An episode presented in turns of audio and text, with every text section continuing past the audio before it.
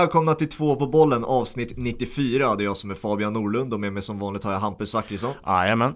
Och idag gästas vi av Marcelo Fernandes. Kul att ha dig tillbaka igen. Ja, roligt att vara, vara tillbaka. Hur mår ni gubbar? Det är bara bra tack. Ja det är väl eh, lite nedslaget efter gårdagens eh, Champions League men eh, i övrigt är det bra måste jag säga. Ja, härligt, härligt. Det, det, känns ju som att det är La Liga-fokus man ska ha nu inför slutspurten också, så det känns ju bra att ta in en La Liga-expert nu så att man inte talar en massa skit nu.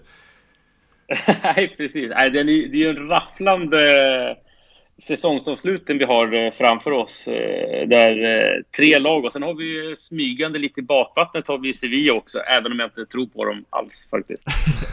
Nej, det känns ju som att det är rimligast att börja med Champions League-kvartarna och eh, Real Madrid som slog ut Liverpool med, med 3-1 och jag vet inte, inför Hampus var ju du både optimistisk men lite pessimistisk också. Optimistisk på grund av Sergio Ramos skada, Varans eh, covid-positivitet och och lite sånt där och sen lite pessimistiskt på grund av ja, eran backlinje och eran form och så vidare. Eh, hur var dina förväntningar inför eh, mötet med Liverpool och Real Madrid, Marcelo? Eh, alltså jag tyckte ändå att eh, så här, på förhand, eh, alltså när lottningen kom tänkte jag oj, det här, det här kommer bli, bli jobbigt för, för Real Madrid. Eh, jag såg, och, och, jag vet inte om det var mer för att jag hade liksom Liverpools dåvarande spel, alltså från tidigare säsonger, kanske i bakhuvudet med det här liksom bollvinst, kontring, där jag tyckte att de var eh, riktigt, riktigt bra. De var ju brutala där under en eller två säsonger. Liksom. Eh, och sen, så att, ja, jag tror att det skulle bli riktigt... Sen förstod jag liksom någonstans att ja, Zidane taktiskt skicklig, liksom, men eh, en ganska öppen match. Alltså, jag hade ingen så här, ja men de här går vidare kanske lite liksom mer åt Real Madrid-hållet och i sådana fall liksom mer med sin erfarenhet. Men till stora delar liksom en, en, en öppen två, två, två matcher. Så, så tänkte jag. Liksom. Mm.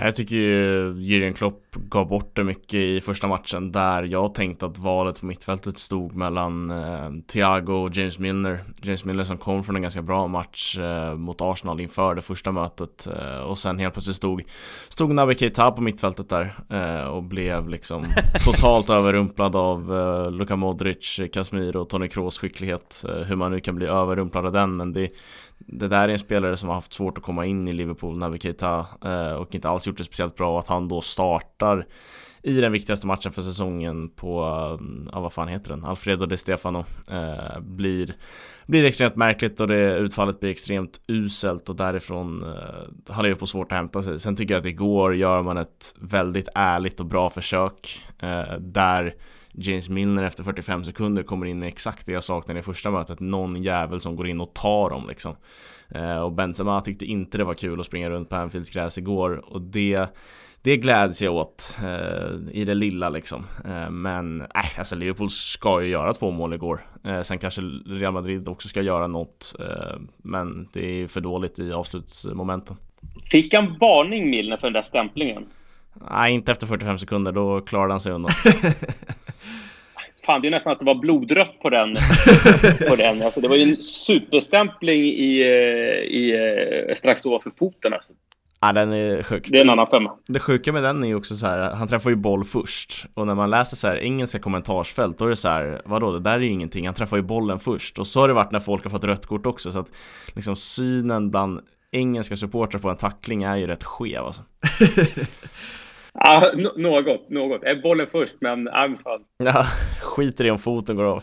Ja, skiter om foten eh, går av. Nej, men jag håller väl med lite. Jag tycker Naby Keita, alltså, jag, jag, jag, väntar fortfarande på att det ska hända någonting kring honom. Alltså, jag tycker liksom, eh, man köpte honom för jättedyra pengar från Leipzig om jag inte missminner mig helt fel. Men det, det, har ju knappt... Alltså, fan, det händer ingenting. Eh, vad är det, andra, tredje säsongen nu Eh, så att, men sen, sen, tycker jag någonstans att Liverpool, eller förlåt, eh, jag tycker att Real Madrid nyttjar en yta som jag redan såg, jag tror att det var, var det inte premiäromgången eller om det var andra omgången eh, när Liverpool mötte Leeds? Ja, det var premiären. Det var premiären, var en rafflande jäkla match, jag tror det blev 4-3 och liknande. Där Bielsa konsekvent sökte ytan bakom ytterbackarna. Och det var precis det Real Madrid gjorde också i första mötet. Alltså vid bollvinst ställde man snabbt om ytan bakom Trent och då blev man ju supersynad och då tvingas man ju kliva ut med mittbacken inne i mittfältet behöver kliva ner. Eh, så det var, det var eh, välstuderat av eh, Zinedine Zidane, tycker jag. Mm. Vi har ju pratat du och jag Hampus lite grann om Zidane redan men jag är också intresserad av vad du tycker Marcello angående Det finns ju ingen mer så här, effektiv, ingen mer effektiv tränare eller lag just nu som kan ta hand om ett resultat, både vinst eller eh, ett oavgjort resultat. Det, alltså om vad som ens krävs, Zidane och Real Madrid tar hand om det just nu verkar det som. Men det är inte alltid bekvämt, som ni har varit inne på redan, Salah och Wijnaldum ska ju göra mål. Så att, hur ser du på den här balansen både med att alltså Real Madrid i perioder av matcher ser ut att ha matcher precis där de vill ha det, men de släpper ändå till otroligt farliga chanser bakåt. Mm. Nej, jag, jag, tror att det är en sån här, eh, om man tar liksom matchen som var nu i veckan, eller igår, så, så tror jag att det finns liksom lite fler parametrar man måste ha med sig. Jag, jag köper det du säger. Målchanser kommer alltid dyka upp och så det är därför som de har betalat enorma pengar för en sån eh, målvakt som Courtois exempelvis. Så får inte glömma att de spelar med sitt tredje och fjärde alternativ som, som mittbackar. Och det är klart, den delen tror jag att inte han är jättenöjd med, att de kanske släpper till de målchanserna. Jag tror det Wijnaldum som har den snett inåt bakåt i slutet av första när han dräper den över. Va? Ja. Eh, och sen är det några skott som täcks och så vidare. Eh, det, det, som jag tycker som är mer imponerande, som man ändå måste ha med sig, det är ju ändå att det här är tre matcher på åtta dagar för många av de här spelarna. Det är knappt någon rotation alls. Det är Valverde som kom in i El Clasico eh, och spelade igår och, och det var ju för att Lucas Vasquez var skadad. Men att spelare, och sedan var ute efter, sa ju det efter Clasico, vi går vi, vi, spelar på gränsen nu. På gränsen. Alltså, vi är så slutkörda rent eh, fysiskt, eh, sa han. Um, och att en sån spelare som Luka Modric med den, vad är 35-36, liksom spelar tre matcher på en vecka och vilas eh, ingenting och nykrossad ut efter 70 igår. Och det måste ju helt och klart varit liksom att ja, men han har någon form av känning. Honom kan vi inte trycka mer. Det tycker jag är jäkligt eh, imponerande. Sen måste väl Real Madrid se över sin eh, medicinska situation. Att liksom, varför har man så mycket skador? Eh, nu har de lite otur att det är, och, och det är väl sådana tider att Varann exempelvis och Ramos var båda drabbade av eh, covid-19. Nu hade Ramos kanske inte spelat alls, men Varann hade kanske funnits tillgänglig. Så att, men men det, det är en sån säsong i år. Mm. Vad är det för typ av förändringar om vi skulle ha, se alla spelare tillbaka? Det är ju väldigt ett drömscenario just nu för Real Madrid. Vad, är det ett annorlunda Real Madrid du tycker man ser om när Ramos, Varan står på plan och jag vet inte, en Hazard någonstans kanske kommer in någon gång i en, någon typ av form? Eh, ja, men alltså med Ramos, det är klart att det blir skillnad när Ramos kommer in. Det är ju världens bästa mittback. Du får ursäkta mig där, van Dijk. eh, nej, men det är klart att det, att, det, att det blir en skillnad i sig. Sen tror jag inte att det blir skillnad liksom i hur de tar sig an matcherna.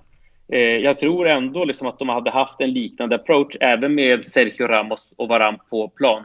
En lite mer försiktig, för då hade, han in, då hade ju de spelarna spelat de här tre matcherna. Han hade ju inte roterat in Militao eller Nacho i en sån här match. Kanske om Nacho i sådana fall hade tagit högerbacksplatsen i, igår med de andra två gubbarna på, på plats. Men ja, det är bara spekulationer, eh, tänker jag. Liksom. Så att, eh, det, över två matcher så var ju Real Madrid välförtjänta vinnare. Och det är lite som, som ni var inne på det. Eh, att eh, Klopp ger väl bort första halvlek mot eh, Real Madrid eh, borta.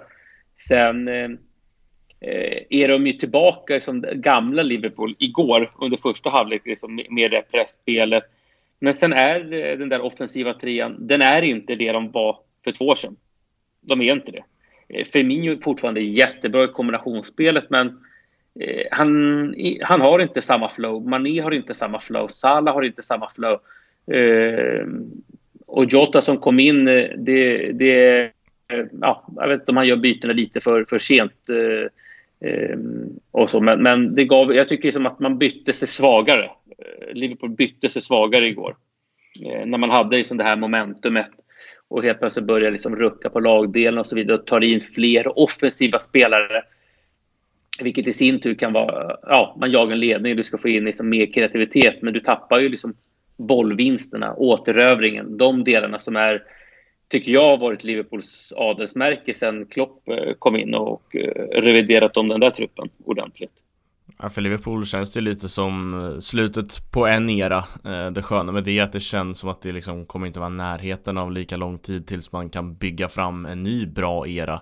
Eh, men alltså så här, Manés säsong är helt hemsk och kan Alltså det finns ingen spelare på den här nivån som är så usel på att passa bollen. Då, då snackar vi inte liksom in i sista tredjedelen av de här svåra passningarna Utan han, han har liksom problem med att sätta de här korta femmeterspassningarna. De är för lösa, de är för hårda.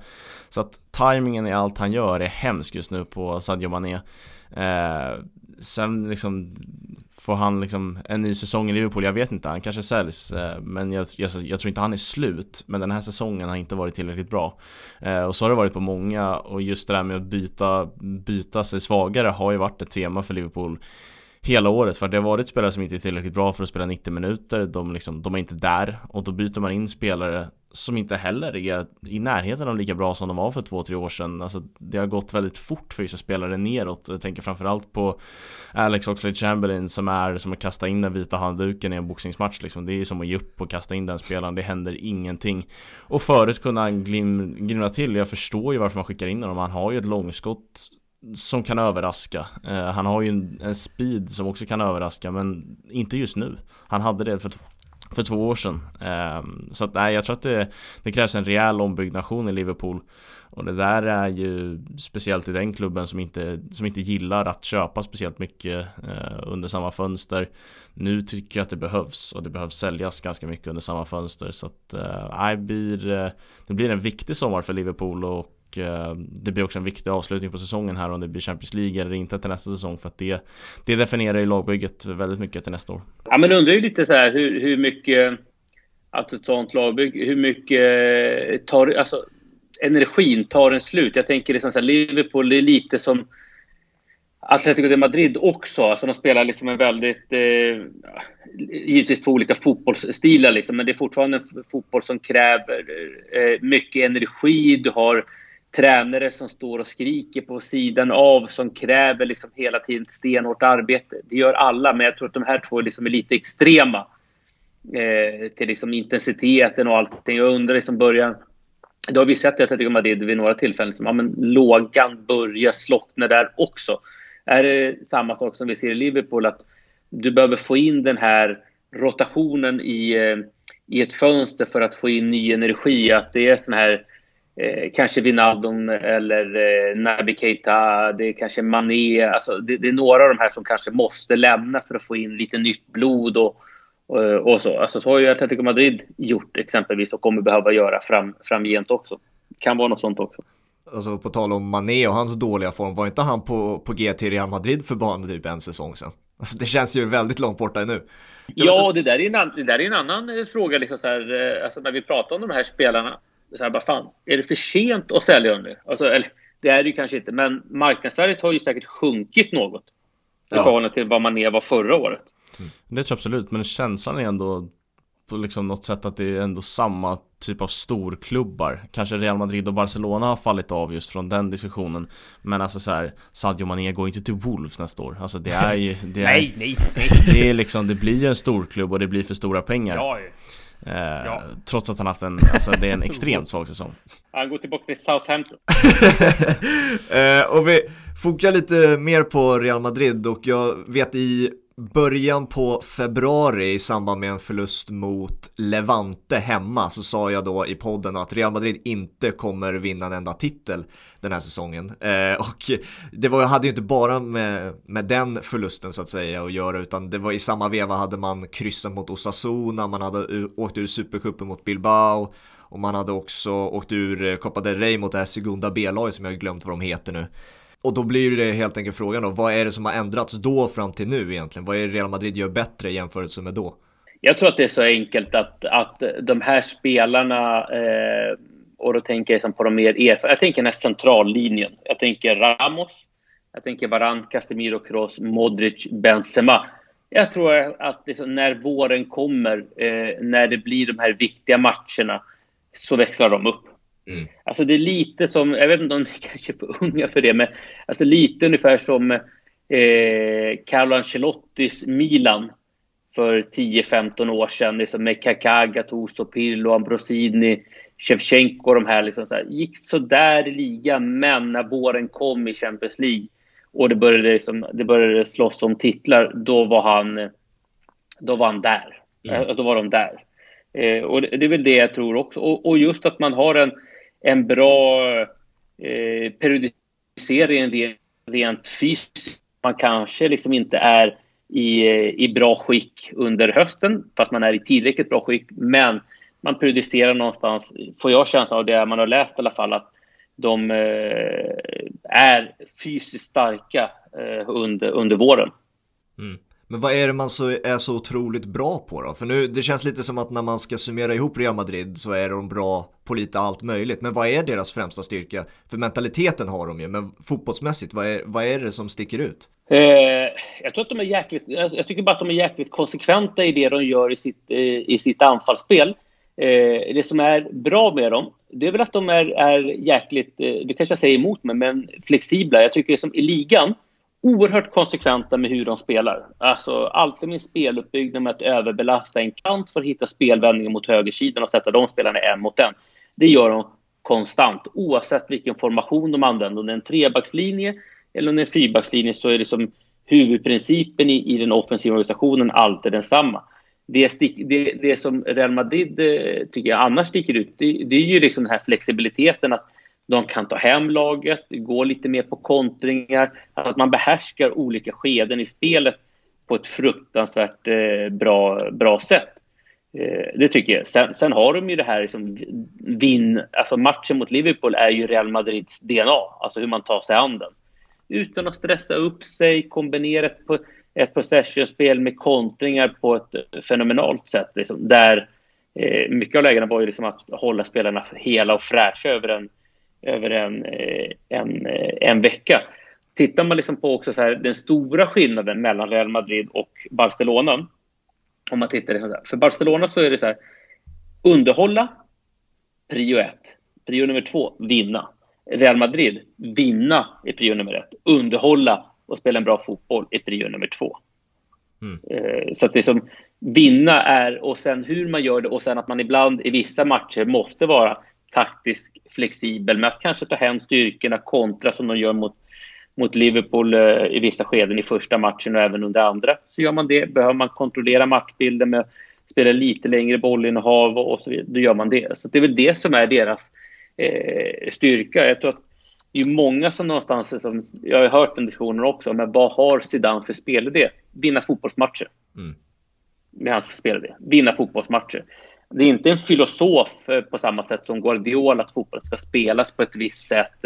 Att han kommer sätta ett avtryck, att fotbollen kommer spelas på det här sättet. Det är det vi pratar om tio år, att vi pratar om Klopps presspel med Dortmund och med Liverpool. Eh, det kommer vi inte göra på samma sätt om, om Zidane, att det, är som, ja, men det här är Zidans spelstil, utan där var det mer så att vinna matcher, anpassa laget, efter fysiska förutsättningar, tekniska, taktiska och eh, psykologiska förutsättningar som, som en match kräver. Jag tycker också en aspekt där Real Madrid är absolut bäst i världen och ganska långt ifrån alla andra eh, på att vara mycket bättre på är ju matchvinnare. Alltså det är så många matchvinnare i den där truppen. Det är Benzema, det är Casemiro, det är Sergio Ramos. Liksom andra spelare dyker upp och det är verkligen deras DNA. Vinna matcher, det har de fått in i spelare. Som gör att sista kvarten när bollarna börjar vina in mot boxen, ja men då är Casemiro uppe och vinner varenda nickduell. Benzema söker upp rätt ytor, Sergio Ramos när han spelar vinner ju också varenda nickduell. Så att matchvinnare har de mer än något annat lag. Mm. Nej, men det, alltså, så är det ju. Och, och liksom, vi kan ju bara titta liksom på lagbyggen. Det, det är två starka lagbyggen. Men de, den stora skillnaden är ju kvaliteten på backup-mittbackarna. Mm. Kvaliteten på backup-mittbackarna. Eh, Liverpool har tre stycken borta.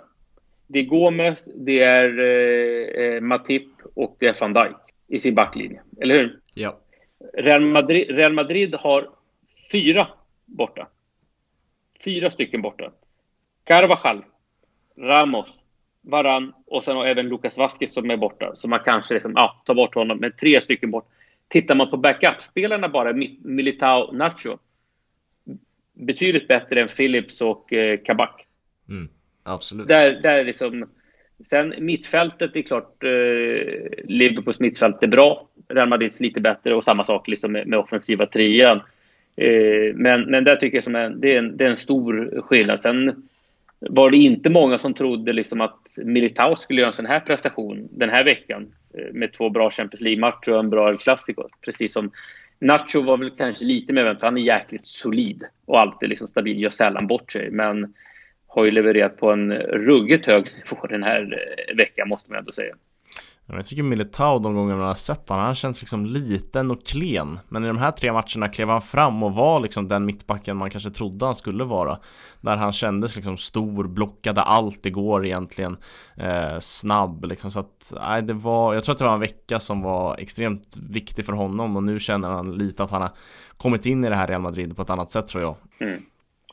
Ja, i spansk media pratar man ju lite om att han gjorde en Casemiro-match med det sagt att Casemiro gjorde en match i Champions League. Jag, vill, jag, vet inte om det var 2015 tror jag att det var, att, att man skrev att där Casemiro gör en, en prestation som definierar hans Real Madrid-karriär mot Dortmund, hemma eller borta, kommer jag inte ihåg.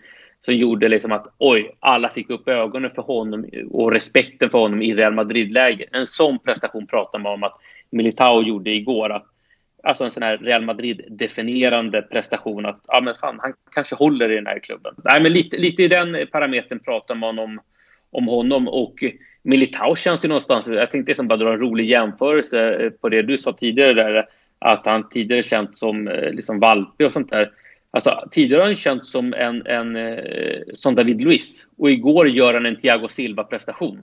Så det, det, det, är väl liksom det man får av honom. Liksom. Antingen får du Thiago Silva eller så får du David Luiz. Ja. Han raljerar givetvis lite liksom och, och slår ner på David Luiz eh, något. Men ni, ni, ni, förstår den jämförelsen kanske? Ja, absolut.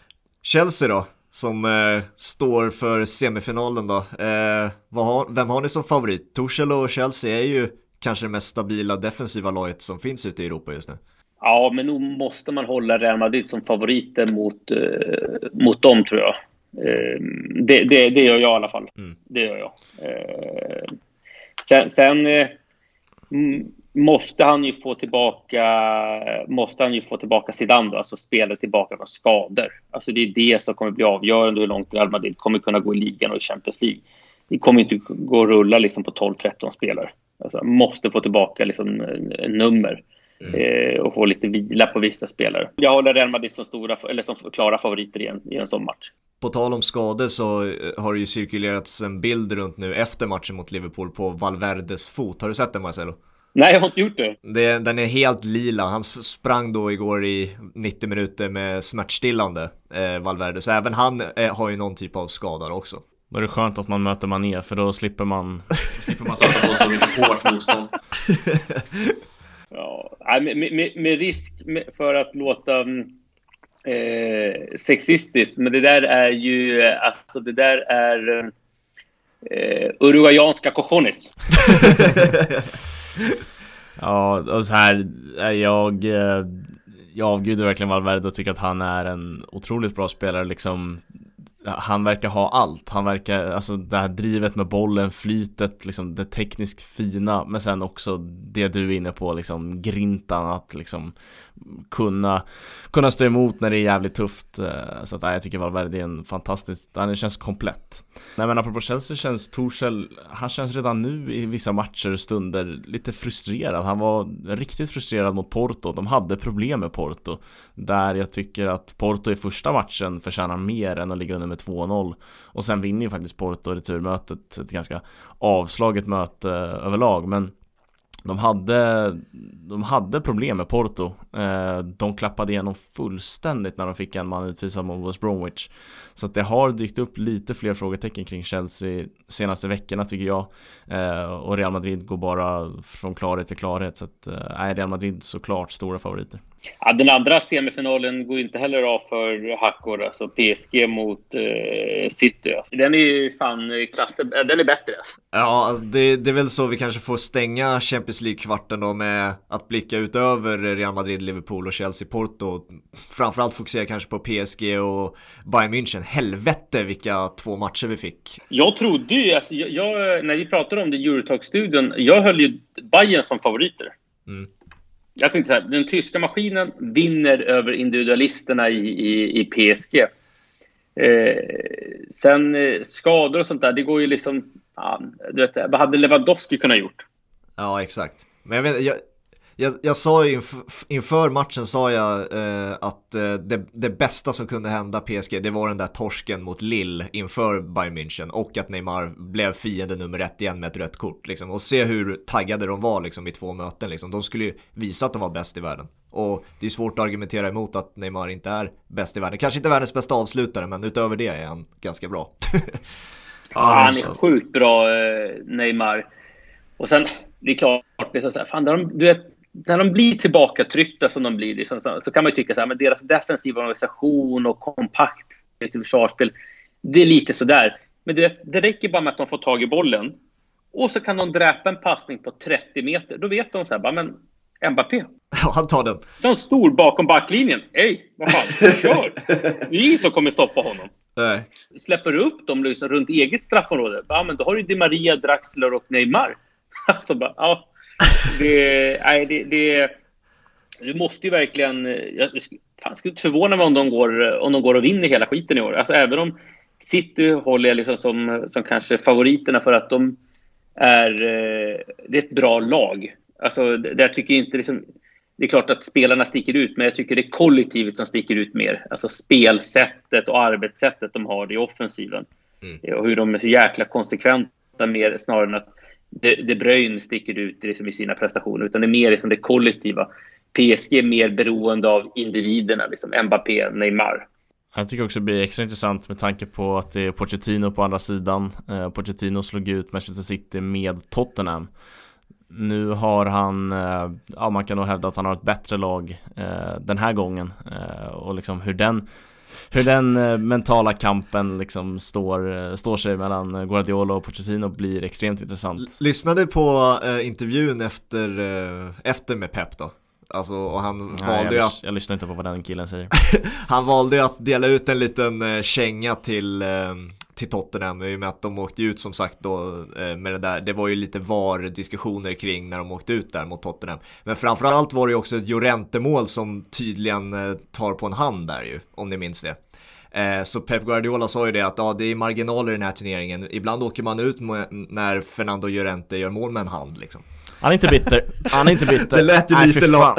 Så jävla trött på Pep Guardiola Han har inte släppt den nu. Nej han har inte släppt det, det var vad fan var det? Två år sedan? Tre år sedan? Ja men han, han känns ju, alltså det kändes verkligen igår att det betydde jättemycket för honom att komma förbi kvartsfinalen bara. Och jag tror att han, han mådde inte bra i paus när liksom han såg bollar gå utanför och Dortmund var ju i den stunden vidare. Eh, Så att det betydde ju för honom jättemycket när Foden dunkar in 2-1 där Ja, absolut. Alltså, det, var en sån, eh, det måste varit en sån lättnad. Alltså, du vet, när Dortmund gör 1-0, jag känner så här bara, det här är ju en supermatch för Haaland. Alltså, tryck bollen bakom bara. Vet, ja. Han kommer ju, han kommer ju äta upp de där mittbackarna. Du vet, han behöver inte ens vara först på bollen. Nej. De kan vara 50-50, men han kommer ju bara trycka undan dem med axeln. Mm. Eh, men eh, de är, de, jag, jag håller med. Liksom. Alltså, för City hade ju såna fruktansvärt bra lägen i första halvlek. Det var ribbor var stolpe. Liksom. Det, var, det var räddningar strax innan, innan mållinjen från Bellingham och, och, och så tänkte man oj, är det en sån kväll när bollen inte går in? Liksom. Vilken mardröm. Det, det, känns som inför semifinalen med PSG att Pep kommer ju försöka göra en Pep och skruva på någonting för att försöka stoppa Mbappé och Neymar och får vi se om det blir förödande gällande slutresultatet också. För han gillar ju att komplicera det, speciellt när det är avgörande lägen i Manchester City. Ja, alltså, han, eh, absolut. Han brukar ju, eller man får ju känslan i alla fall senaste åren. Det, det är ju vad är det, tio år sedan han vann Champions League senast, 2011.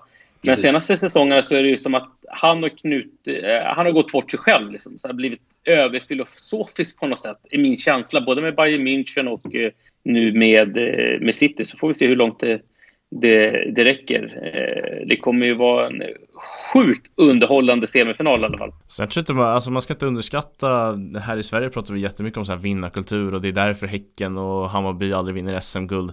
City har aldrig vunnit Champions League och det, det finns någonting i det. Eh, det ska man inte bara vifta bort. De har vunnit titlar, absolut, och det blir en förmildrande liksom, omständighet i det hela.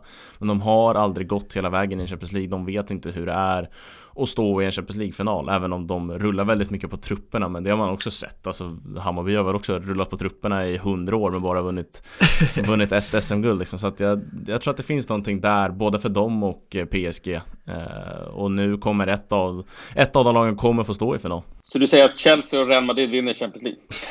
alltså, i en final så... Jag, jag, hör, jag hör vad du säger. Jag, hör vad du säger. Jag, tycker, jag tycker du har en poäng i det. Du har Exakt. en jättebra poäng i det. Men i, i, liksom, i Chelseas fall, skulle de gå till final och stå mot PSG och Manchester City, då tror jag att liksom, kvaliteten gör att jag inte kan hålla Chelsea som favoriter. Men jag kommer ta in väldigt mycket den mentala aspekten ifall Real Madrid står på andra sidan. För att de är inte bättre, liksom, spelare för spelare än PSG eh, eller Manchester City, det tycker jag inte. Men de har en otrolig, eh, ett, ett otroligt övertag mentalt sett. Framförallt med Zinedine Zidane som tränare som har varit med eh, liksom, alla gånger de har vunnit känns det som. Jag vet att det låter fel här så jag ska försöka uttrycka mig så gott jag kan. Men känns det inte lite skönt också att det för första gången på många år att vi har de fyra just nu bästa europeiska lagen i semifinal. Alltså möjligen att man kan ersätta Chelsea med Bayern München till exempel. Men alltså tidigare år har vi haft eh, semifinaler där Lyon är med, Leipzig är med, Roma är med, Tottenham, alltså de, med all respekt till de klubbarna, men liksom det känns ju lite nu som att vi har faktiskt de fyra bästa europeiska lagen i, kvar i turneringen. Ja, ja precis, med undantag för, för Chelsea då kanske ja. man får vara lite, lite sån. Nej, men jag, ty jag tycker att eh, jag gillar mixen. Jag gillar mixen av det. Eh, jag gillar att det, att det kan vara så här en säsong. Eh, jag gillar också att, att vi har säsonger där, där vi har uppstickare som kan gå, eh, kan gå långt. Eh, som, som eh, Ajax, eh, Tottenham. Alltså, jag, jag, jag kan uppskatta sånt liksom, under hunden. Det, det, det gillar jag också. Så att, jag, jag tycker variationen är, är bäst. och i år superläckert med, med de här eh, drakarna som är på, på plats liksom. Ja, eh, jag, jag kräks lite på vilka typer av klubbar som är där att vi, vi, kanske, vi kanske nu har kommit dit Fan vad du är bitter där! ja men alltså där, när det är klubbar där det är liksom pengar från tveksamma diktaturer och Qatar och det är, jag vet inte, det är någonting med det. Men sen tänker jag inte dra för stora växlar av det för att jag har inte dragit för stora växlar tidigare år när Lyon och Leipzig, så, eller Leipzig är också smutsigt men eh, Lyon och eh, grabbarna har varit framme långt då har inte jag tänkt så här, ja, ah, det, det, spelar ingen roll hur mycket pengar som kommer in. Det kommer alltid finnas uppstickare. De, liksom, de parallellerna inte jag dragit, så jag tänker inte dra den parallellen att nu är liksom fotbollen över och det krävs oligarkpengar eller andra typer av pengar för att gå långt i Champions League. Men i år är vi där eh, och det äh, känns lite småsmutsigt. Det, Och där, där är många med mig, det vet jag så att, eh, Ska vi, ska vi lämna Champions League och ta oss till en Copa del Rey-final kanske? Så där, där är det inte lika smutsigt kanske. Nej, Bilbao är väldigt rent och ja. väldigt fint. vi har ju ett, eh, en final med Athletic Bilbao och Barcelona och det, det känns, det blir en tidig revansch för Bilbao efter eh, finalförlusten då, vad blir det för en och en halv vecka sedan ungefär.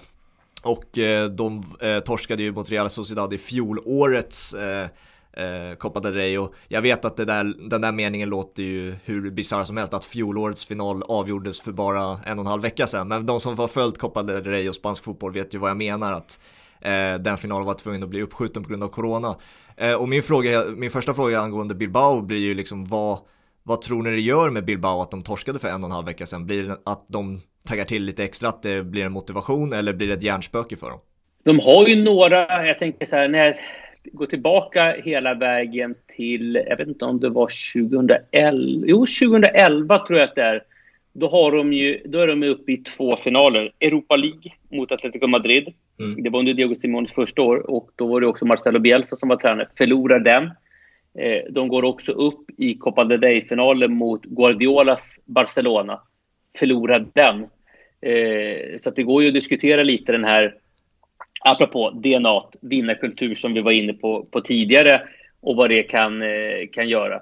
Eh, jag tror att de hade sitt bästa läge att vinna eh, spanska cupen, Copa del Rey, här för, eh, för en och en halv vecka sedan mot Real Sociedad. Jag tror att det blir betydligt svårare mot ett Barcelona som eh, utöver förlusten mot eh, Real Madrid i El Clasico eh, haft en väldigt positiv resultatrad sen eh, årsskiftet och har, har fått två liksom baksmällor och det är Real Madrid och det är PSG. Eh, å andra sidan så, så vann ju Bilbao också Supercupen. Mm. Där, man slår, eh, där man slår Barcelona. Så att jag tror att det, i det här läget, det är knappt någon spelare som var med eh, 2011, det är tio år sedan. Eh, jag tror inte att någon eh, kan vara någon, någon enstaka, typ Balenciaga eller, eller något sånt där. Liksom. Men, eh, jag, jag, tror att man går in helt och hållet på, på liksom att vinna den här finalen. Och sen om, får man nog se liksom, effekterna därefter, om de skulle förlora och hur hur det påverkar eh, gruppen på, på kort sikt eh, över säsongsavslutningen. Däremot så kan man säga att de har fått en eh, sjukt fin eh, utveckling och utväxling på de spelarna och det spelarmaterialet de har sen Marcelino klev in som, som tränare. Men det blir ju, alltså så här, Athletic Bilbao stå, eller Athletic Club står inte i, i finaler varje år. Och i år har de fått chansen att stå där två gånger. Och att då förlora båda eh, liksom klart att det blir ett jätteslag mot liksom fans och spelargrupp att det, det blir tungt liksom. Eh, och jag tror att det, det, alltså jag tror att det kan bli svårt att liksom återhämta sig den här säsongen. Men de har väl inte jättemycket att spela för i ligan heller så det är ju liksom all in cupfinal de måste gå, alltså det genererar ju också en eh, Europa League-plats. Så det är ju det de Exakt. måste, det är väl den de, de eh, vill åt. sen håller jag på och läs, läser till med allting. Som, vad, vad, vad händer med sjunde, åttonde platsen om Real Madrid, Villarreal går och vinner sina kupper? Alltså hur ser de ut? Är det någon som går till den här Conference eh, League? Ja, ja den, det är väl något arbetsnamn fortfarande, men eh, Europa Conference League har jag förstått det som att den heter. Ja, ja var bättre med inte Toto-cupen för några år sedan. men lite åt, åt det hållet. Att, uh, får vi se som hur, hur man landar där. Men uh, uh, den här för, förra finalen var ju också så jäkligt prestigefylld. Liksom två baskiska klubbar mot varandra. En med med, liksom, med den stora plånboken i Atletic Club kontra Real Sociedad. Så det, det, var... Den, det är klart att den var...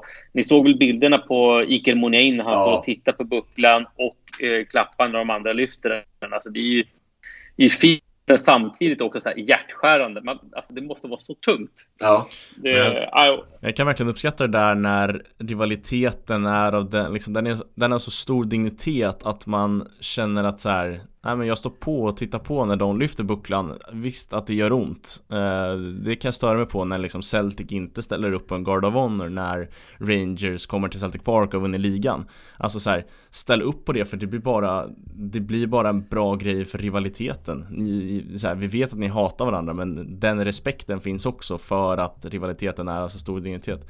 Så att, jag tyckte det var stort av Ike Munjain och jag tror att det där kommer vara bränsle liksom för 120 minuter mot Barca. Eh, han kommer vara riktigt hungrig. Han tänker inte stå och titta på när ett annat lag lyfter bucklan igen. Sen kanske det blir så för att Barca är så bra, men jag tror att bränslet kommer finnas. Ja, definitivt. Och sen är ju Atletic Club eh, som...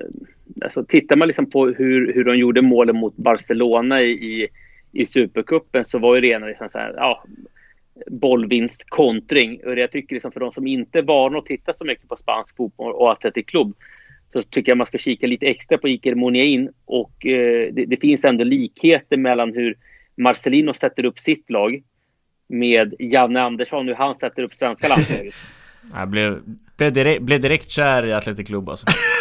ja, ja nej men alltså titta liksom på Iker Muniain. Han har ju, om man vill uttrycka så, liksom, eh, Forsberg-rollen eh, i svenska, som han har i svenska landslaget. Alltså, Roma lite från vänsterkanten, kommer in bakom mittfältet, positioneras där som en extra gubbe och ska slå de här eh, avgörande passningarna på en djupledslöpande Iñaki Williams. Så det finns en del eh, likheter mellan det, liksom, om man vill dra de parallellerna, vilket jag vill.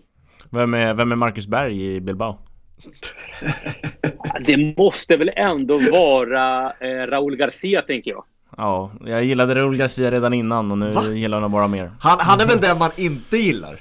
Ja, det är väl han som köttar ner varenda ja, jävel liksom. Ja men exakt, ibland gillar man ju de spelarna som är riktigt fula Men eh, Raúl Garcia har ju alltid haft någonting eh, lite extra för Han är ju, han är ju inte alltid, han är inte alltid fin i sina aktioner, varken tekniskt eller i, i tacklingsmoment men... Han är ju en uh, Atletico Madrid och Simeone-gubbe egentligen, känner jag ju. Det var ju där han var innan han gick till Bilbao. Det, jag, jag kommer fortfarande ihåg de där Madrid-derbyna när Raúl Garcia, ah, han, han försökte ju slakta varenda Real Madrid-spelare alltså.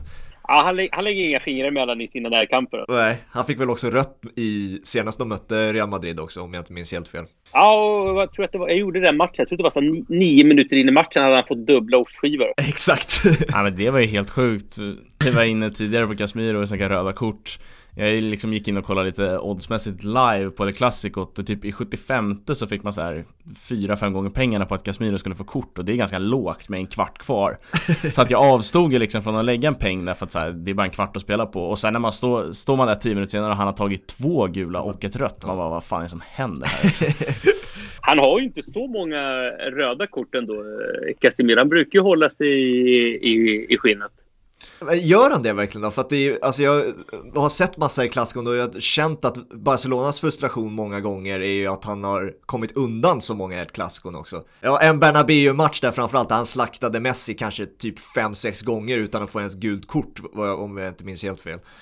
Ja men det finns sådana spelare, jag tycker att alltså Fernandinho har tagit, alltså han tar liksom 10 taktiska fouls för att stoppa en kontring varje match och får ett gult kort. för att liksom domaren känner att jag, här, jag, kan, jag kan typ inte dela ut rött kort för en taktisk foul, även fast jag tycker att man kan det. Eh, men det finns ju de där spelarna som verkligen kommer undan. Eh, men Casemiro har ju helt klart en snedtändning i sig. Eh, det såg man ju igår när, när han tröttnade på James Milner. Ska vi foka lite på Barcelona också då? Vi, vi pratade ju väldigt mycket Barcelona sist du gästade Marcelo och det var ju mitt uppe i den där Messi-vevan där när han var på väg bort till City och så vidare. Och vi visste ju inte vad Luis Suarez, vad det skulle bli av honom och, och sånt där.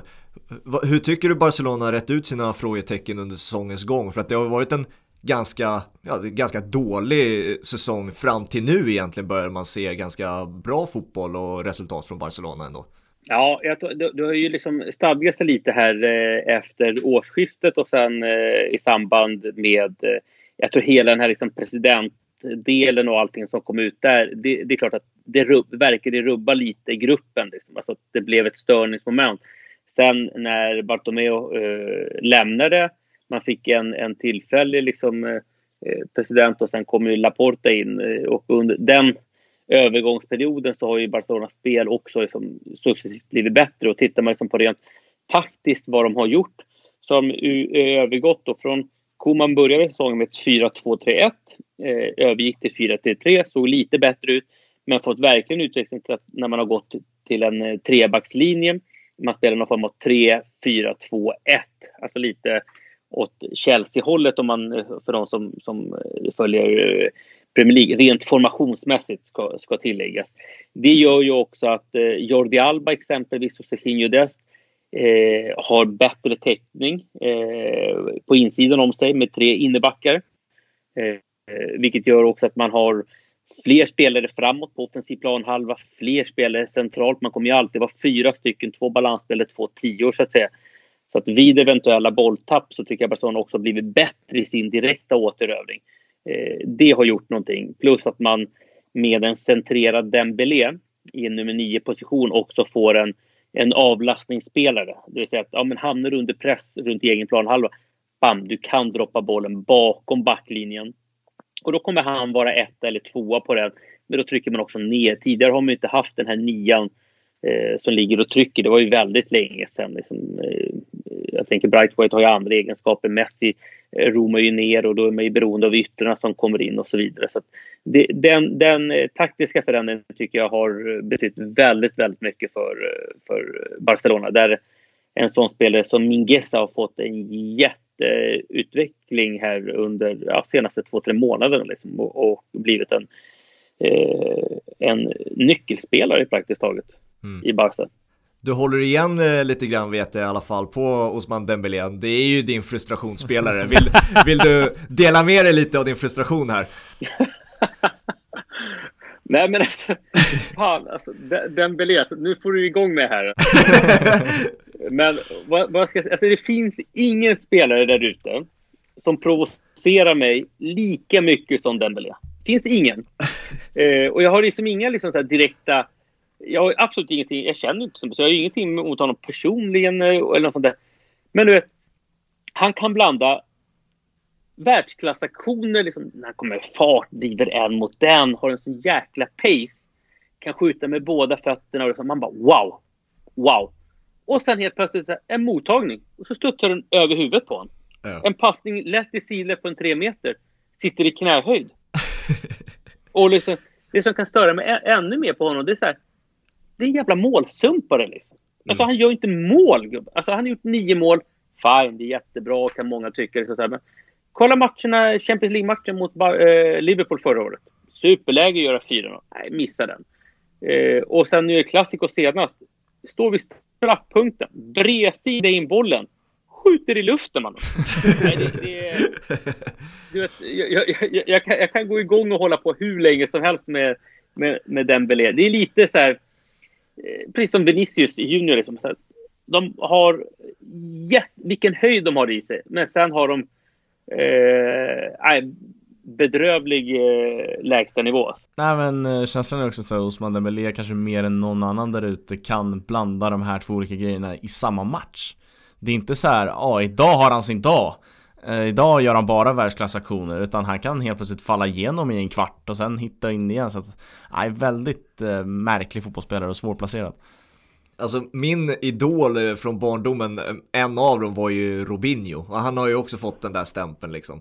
Så jag, alltså det finns ju en charm ändå att ha de här eh, spelarna som kan göra absolut allting med bollen men sen så, ja, jag vet inte, det är ju det som gör att de inte är de, den absoluta eliten för det finns ingen typ av formkurva på dem. Det bara dalar och går upp och ner hela tiden. Det, liksom, man kan inte placera dem nästan.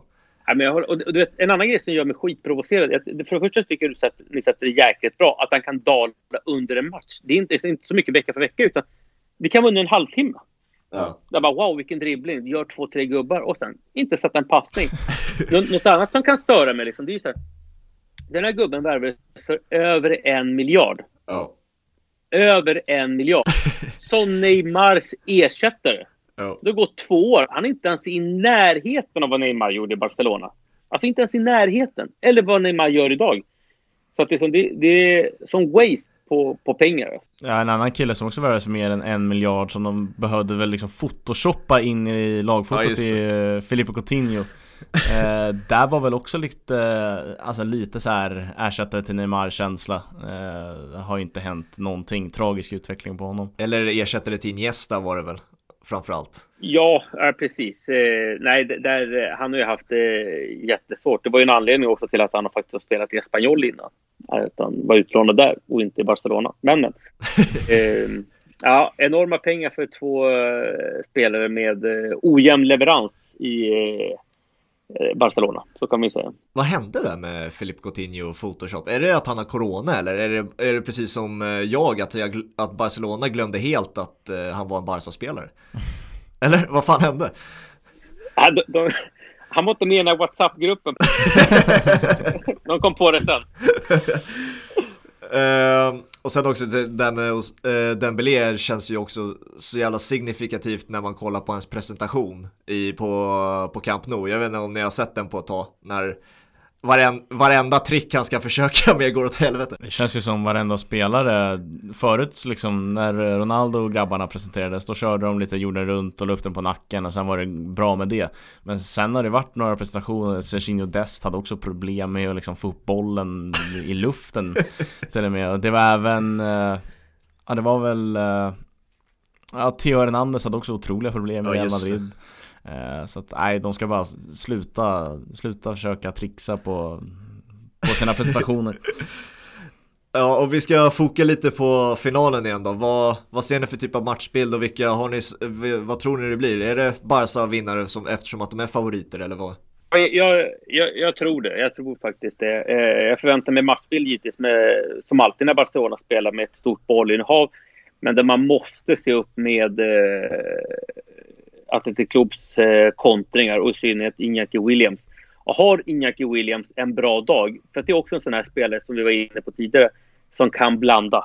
Som kan blanda, som den gubben kan göra. Som ibland han är snabb som få, men, men hans avslut eh, lämnar en hel del att eh, önska. Har han en bra dag och de sätter liksom eh, det, det kollektiva försvarsspelet så, så det är klart att de kommer kunna rubba Barca. Men eh, nu när det är titel på spel, eh, Leo Messi, eh, där tror jag att det är tungan på, på vågen. Nej, man, man måste ju hålla Barcelona som en klar favorit eh, såklart. Men eh, jag kommer hålla en tumme, tagit till mig eh, Jan Anderssons eh, Bilbao här och ja, men kommer verkligen eh, hålla utkik efter, efter just det och se likheterna där och sen hålla en tumme för dem. Och jag, eh, jag skulle glädjas enormt med Iker Munjain framförallt. Att stå där kvar, eh, vara liksom stor nog att eh, applådera den största rivalen när de tar hem Copa del Rey, att då några veckor efter få lyfta den själv hade varit en fin historia. Så att eh, jag kommer hålla på Bilbao men att säga att Barcelona är något annat än favoriter vore bara dumt. Vi vet ju alla att eh, Bilbao, alltså en vinst i Copa del Rey betyder ju allt för en eh, sån klubb. Liksom. Det är bara att kolla på Muniains tatueringar, det är, liksom, det är titlarna han har vunnit med Bilbao som finns där. Eh, men om man tittar på Barcelonas perspektiv, alltså vad gör det, hur förändrar det er syn på Komans tid som Barcelona-tränare? Hur signifikativt blir det med en Copa del Rey-titel? Alltså ändrar det hans image som Barcelona-tränare någonting? Eh Ja, bra fråga. Eh, alltså oavsett vilken som Barcelona-tränare så är det ju titlar. Du måste få in titlar. Eh, så att eh, jag tror nog att ur, ur supporterperspektiv så kommer man att hålla honom. Det, det, är ju en idol sen tidigare, sen Champions League-finalen 92 när han dräper in frisparken mot Sampdoria på Wembley. Eh, och det skulle inte förvåna mig liksom om, om han kanske får högre status än en sån som Valverde. Men, men det är väl mer sett till fotbollsfilosofin, tror jag. Mm. Valverde vann ändå ligatitlar. Eh, men, men, men att han är så närmat Barcelona till hur de ska spela. Så jag tror nog att man kommer komma ihåg honom med, eh, med glädje. Eh, definitivt. Jag tror jag som inte håller på Barca, ifall Koman skulle vinna kuppen så kommer det inte liksom Det kommer jag inte komma ihåg eh, Även om det är en titel men det är liksom den statusen Barca har, har nått Men han har ju faktiskt chansen att vinna dubben här eh, Och liksom skulle han ta den Då blir det ju något helt annat Ja det är sjukt stort mm. Ja verkligen Då är det svårt, då är det svårt, att, då är det svårt att kicka honom Ja men verkligen Ja vad, vad tror du om den här planen? Alltså att kicka Koman och sånt där, de här framtidsplanerna med Xavi, nu med ny president i Laporta. Vad, vad ser du på Barcas framtid på, hos de högsta hönsen? Alltså, Xavi ska ju träna Barcelona. Det, det råder det ingen tvivel Sen om det är inför nästa säsong eller året efter, Eh, hittills har jag väl... Eh, den första gubben jag kommer att tänka på som har fått kicken efter en ligatitel, eller efter en titel, jag tror att det var Champions League-titel till och med. Det är ju Fabio Capello i Real Madrid. Mm. När han fick lämna liksom. Jag tror att de har vunnit med 2-1 eller 1-0 där. Mijatovic och mål mot Juventus. Oj, vad kan det här varit? 97? Jag tror att det var 97-98 någon gång där. Och, eh, och han får, lä eh, får, får, lämna. Även eh, Del Bosque får väl lämna efter eh, en sådan eh, en, en Champions League-titel. Så att, eh, men vi får se om, om Laporta har modet att göra sig av med, med Koman eller om han får ytterligare en säsong. Man har ju läst lite liksom i, i de katalanska tidningarna att det är väl inte en omöjlighet att han faktiskt får, får fortsätta en säsong till. Mm. En, en parentes jag har bara som jag undrar om ni har hört någonting, du vet säkert Marcelo, Ansu Fati jag visste inte att hans skada alltså, skulle vara så här långvarig. Jag tror, är det flera operationer som har gått fel eller vad är, vad är... Han har fått lite bakslag på de, eh, på de operationerna. Så nu pratar man att han är tillbaka förrän i augusti. Va? Så mm. det, det, verkar vara något... Eh, och det där är... Ja, man får ju se lite ett hur det slår på psyket. Det är en ung spelare. Och två, liksom, kommer det påverka hans eh, explosivitet, snabbhet någonting? Det är ju det mycket han har levt på. Liksom. Mm. Ehm, så att ehm, ja, det, det, honom har man nästan glömt bort. Han har ju varit borta nu i två, tre månader. Så att, eh, han har fallit lite mellan, eh, mellan stolarna. För att runda av och avsluta så kan vi väl eh, tippa vilka som vinner La Liga. Det är ju ett tre hästars race och Sevilla i bakvattnet. Vilka, vilka tror du vinner Marcelo? Jag hoppas att Atletico Madrid vinner. Jag hoppas att Atletico Madrid vinner och att de håller i och håller ut. För ligan, Eh, för Diego Simeone. Eh, men eh, jag tror Real Madrid har bäst eh, spelschema. Eh, men jag tror att de är så jäkla slitna nu med Champions League. Så att, eh, jag tror Barca har väldigt bra chanser att vinna faktiskt. Men jag hoppas att Atletico Madrid vinner. Mm. Jag vet att... Ha, halvgardering. jag, jag, vet att vi sa inför den här säsongen Hampus att eh, vi hade Real Madrid som favoriter just på grund av att typ en sån här situation som vi är i just nu skulle hända. Att eh, spelet går lite knackigt men Real Madrid finner sina vägar att vinna ändå. Eh, jag har ju sagt Atletico Madrid, alltså ända sedan de vann mot Barcelona egentligen där eh, tidigare på säsongen när Piqué, Piqué drog korsbandet och Carrasco gjorde 1-0 där. Eh, men eh, alltså som det ser ut just nu, nu ändrar jag liksom min tippning vecka till vecka. Liksom. För förra veckan var det ju Barcelona, eh, för jag trodde de skulle vinna El Clasico och Atletico tappade ju poäng mot Sevilla. Men nu är det ju Real Madrid. Nu, och jag håller med dig, jag vill att Atletico ska vinna. Eh, men jag tror, alltså de har tappat för mycket nu och jag tror att deras självförtroende ligger alltså, lägre än vad alltså, vad många förväntar sig när de ligger. Alltså, det känns lite som att de känner eh, flåset från Barcelona och Real Madrid i nacken varje match de tar sig an. De, de, de är inte vana att bli jagade. De vill ju jaga. Exakt. Eh, och eh, det, det, mest alarmerande tycker jag det är väl att Diego Simeone känns som att han fortfarande letar. Letar efter liksom så här, spelet, hur de ska liksom ta sig an offensiven. Ska han spela bästa laget? Ska han spela bästa spelarna? Ja, formationen liksom vackert. Han känns lite letande för tillfället och det tycker jag är oroväckande. Någonting jag verkligen hoppas är ju att Atletico Madrid inte tappar speciellt mycket mer poäng fram till den där Barcelona-matchen. För att jag ser jag ser inte en frisk Suarez starta i den matchen och förlora den matchen. Det kommer inte han låta ske. Eh, så att jag hoppas att eh, Atletico är med fram dit och då är de med fram dit så tror jag att de vinner för att de förlorar inte mot Barcelona och jag tror att de rent av vinner den matchen. Eh, men det är extremt intressant. Jag, eh, ja, jag håller Atletico. Jag hoppas lite, jag tippar lite på min förhoppning mer än vad jag kanske tror. Klart att eh, Barcelona och Real Madrid har varit i de här situationerna förr och vinnarkultur och allt det där. Eh, klart att det spelar in. Men nej, alltså Luis Suarez, min gubbe på många sätt förutom när han firar 1-0 mål mot Liverpool. Jävlar, eh, svinigt alltså. Ja, men det är också det, där tror jag många liksom går bort sig i, i vem Suarez är. Eh, förstår man inte varför han firar 1-0 mot Liverpool på Camp Nou så har man inte Alltså det var det man älskade honom när man hade honom i laget, att han var ett svin. Eh, och då måste han få vara, då måste han få vara liksom ett fullskaligt svin även i andra klubbar. Så att, eh, jag hoppas att Atletico håller i det där. Mm, ja, jag håller med.